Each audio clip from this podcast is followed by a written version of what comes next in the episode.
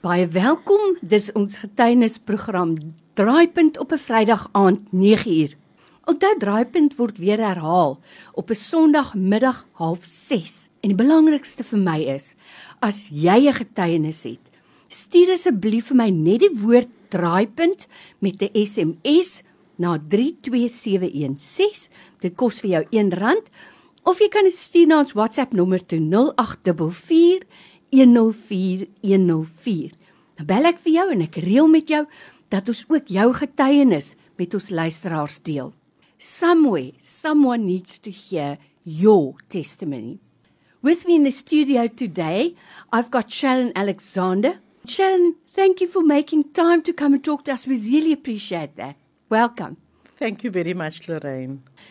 Sharon, your story is one that I know that a lot of people share with you, but people are a bit reluctant to talk about that. We are speaking about toxic relationships, sometimes in our closest family where we least expect it. Where does your story start? Well, Lorraine, my story starts um, way back when I was a child. To tell a 58 year old story in a couple of minutes is impossible. Mm. So I'll fast forward to 2017 when my dad passed. Before he passed, we had uh, an arrangement that my parents were going to come and live in a granny flat. So we were going to sell their house. And then my dad got ill. He got ill, and within two to three weeks, he passed away. Oh. It was just a month later that my mother got ill herself and she was in hospital and I had the talk with her because I had we had subsequently moved to Grassy Park a good lot of years earlier and it was a bit bad because I was working and I had my own household and I moved her while she was in hospital because she was in oxygen to my place in October 2017. Fast forward, she went off oxygen and then all the time there was just this anger. She was just angry all the time, unpleasant. And the more I did, the more she wanted. And right from the word go, I always knew that she wasn't an easy person, but I soon realized that there was something really seriously amiss. Well, I must admit, we had real fights, bad fights, to the point where I very ashamedly shouted at her, swore at her, cried with her, and nothing was good enough.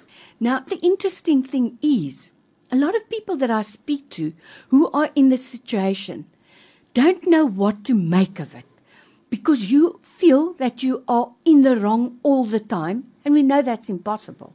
Then stories are related to your siblings, to your sisters or brothers, and it, it creates bad vibes. Did that ever happen in your Ab- situation? Absolutely, that and more. It became so bad that currently we have two beautiful sons. My husband and I have a wonderful husband, always had a loving, good family. But right now, the situation is so bad that my children, they don't really frequent my house at all. My two new daughters-in-law has been really good to my mother, but they have just changed to say the least. And yes, I have siblings. Oh, those people have all so much so that we would go out and we'd come back and we'd hear on the phone chatting to people and saying all the things that were not true. Now, with me in the studio today, I've got Sharon Alexander. Sharon, something I need to ask you. Have you ever considered that it may be a early onset of a dementia of some kind? Yes, the fortunate thing for me is that I have been a caregiver to somebody that has dementia, hmm. and I can guarantee you 150% my mother doesn't have a half a percent of hmm. dementia. She has the sharpest, sharpest mind. Hmm. In my case, um, I have been, and I've said to her, and I don't say this with conceit, but by God's grace, I've always been a very good child. Now that I know so much more after my turning point, I realized that as long as I kept my mother happy, I was okay. I was the glory child, the trophy child, but by the same token, I was the slave. So the thing that happened and the change that came about was because I started realizing that she wanted more from me. Nothing, and I said as much, and I said, told her, nothing I ever do is good enough. And I will never forget the day that the change came mm. in me. Firstly, I've been blessed with a wonderful husband. I've been blessed with a, a stepdad that was probably, I realize now, my savior all the years mm. from and why I, I managed to cope mm. with her. I had a wonderful mother in law when I got married. She was the salt of the earth. Mm. And those were the things that kept me going. I've got Sharon Alexander with me today. And Sharon, I really truly invited you to come because you voice what so many other people actually share with me on WhatsApp. Children who care for parents in their old age and they are really treated so badly and they don't understand it. But you came to a turning point, and that's why I feel it's so important for you to encourage us today because they remain our parents. And we know the Bible says, honor your parents, respect your parents, and we want to do that. But how can we help someone who is in that position where you are now? Tell us about that turning point and what you discovered, how to cope with caring for a difficult parent. I like the fact that you mentioned the Bible, and it's in Ephesians 6, verse 1 to 4. I've read it many times. It says that children must respect their parents mm. and honor them.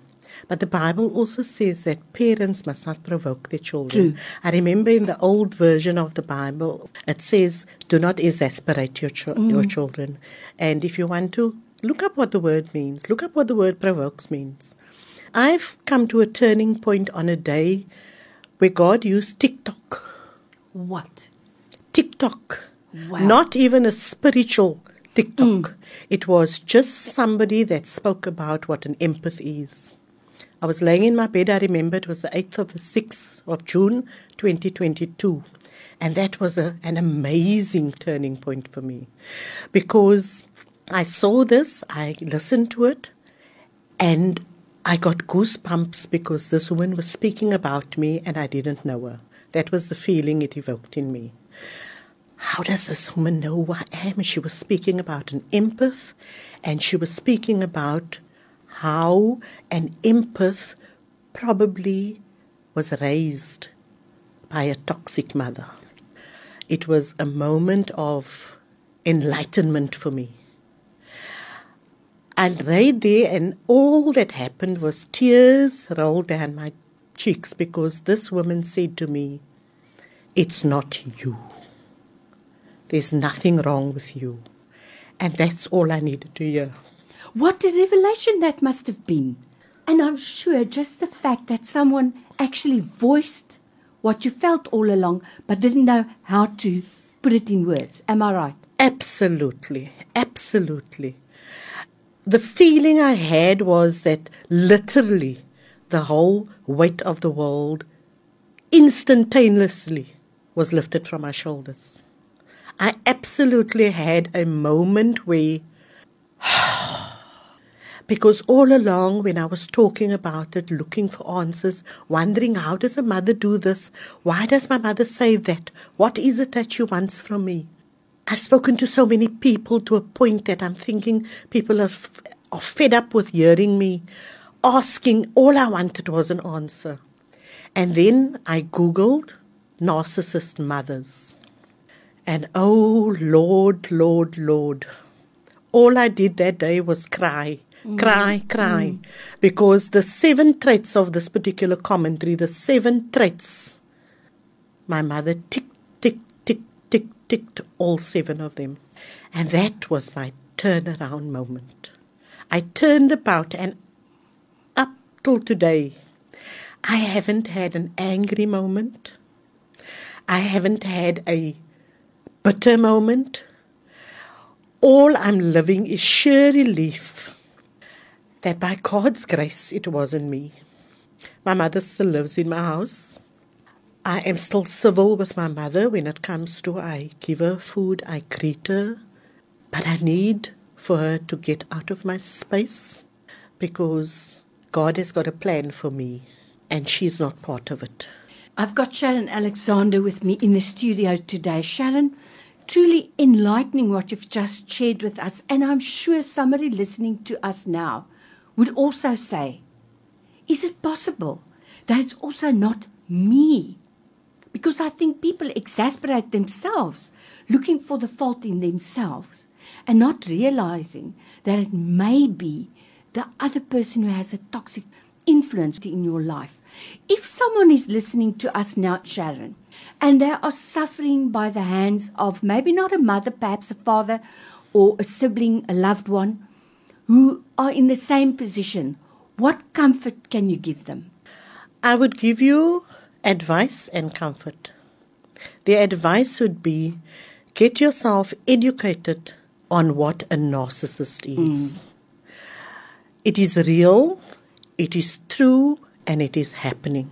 And I need to just say this that I love my mother.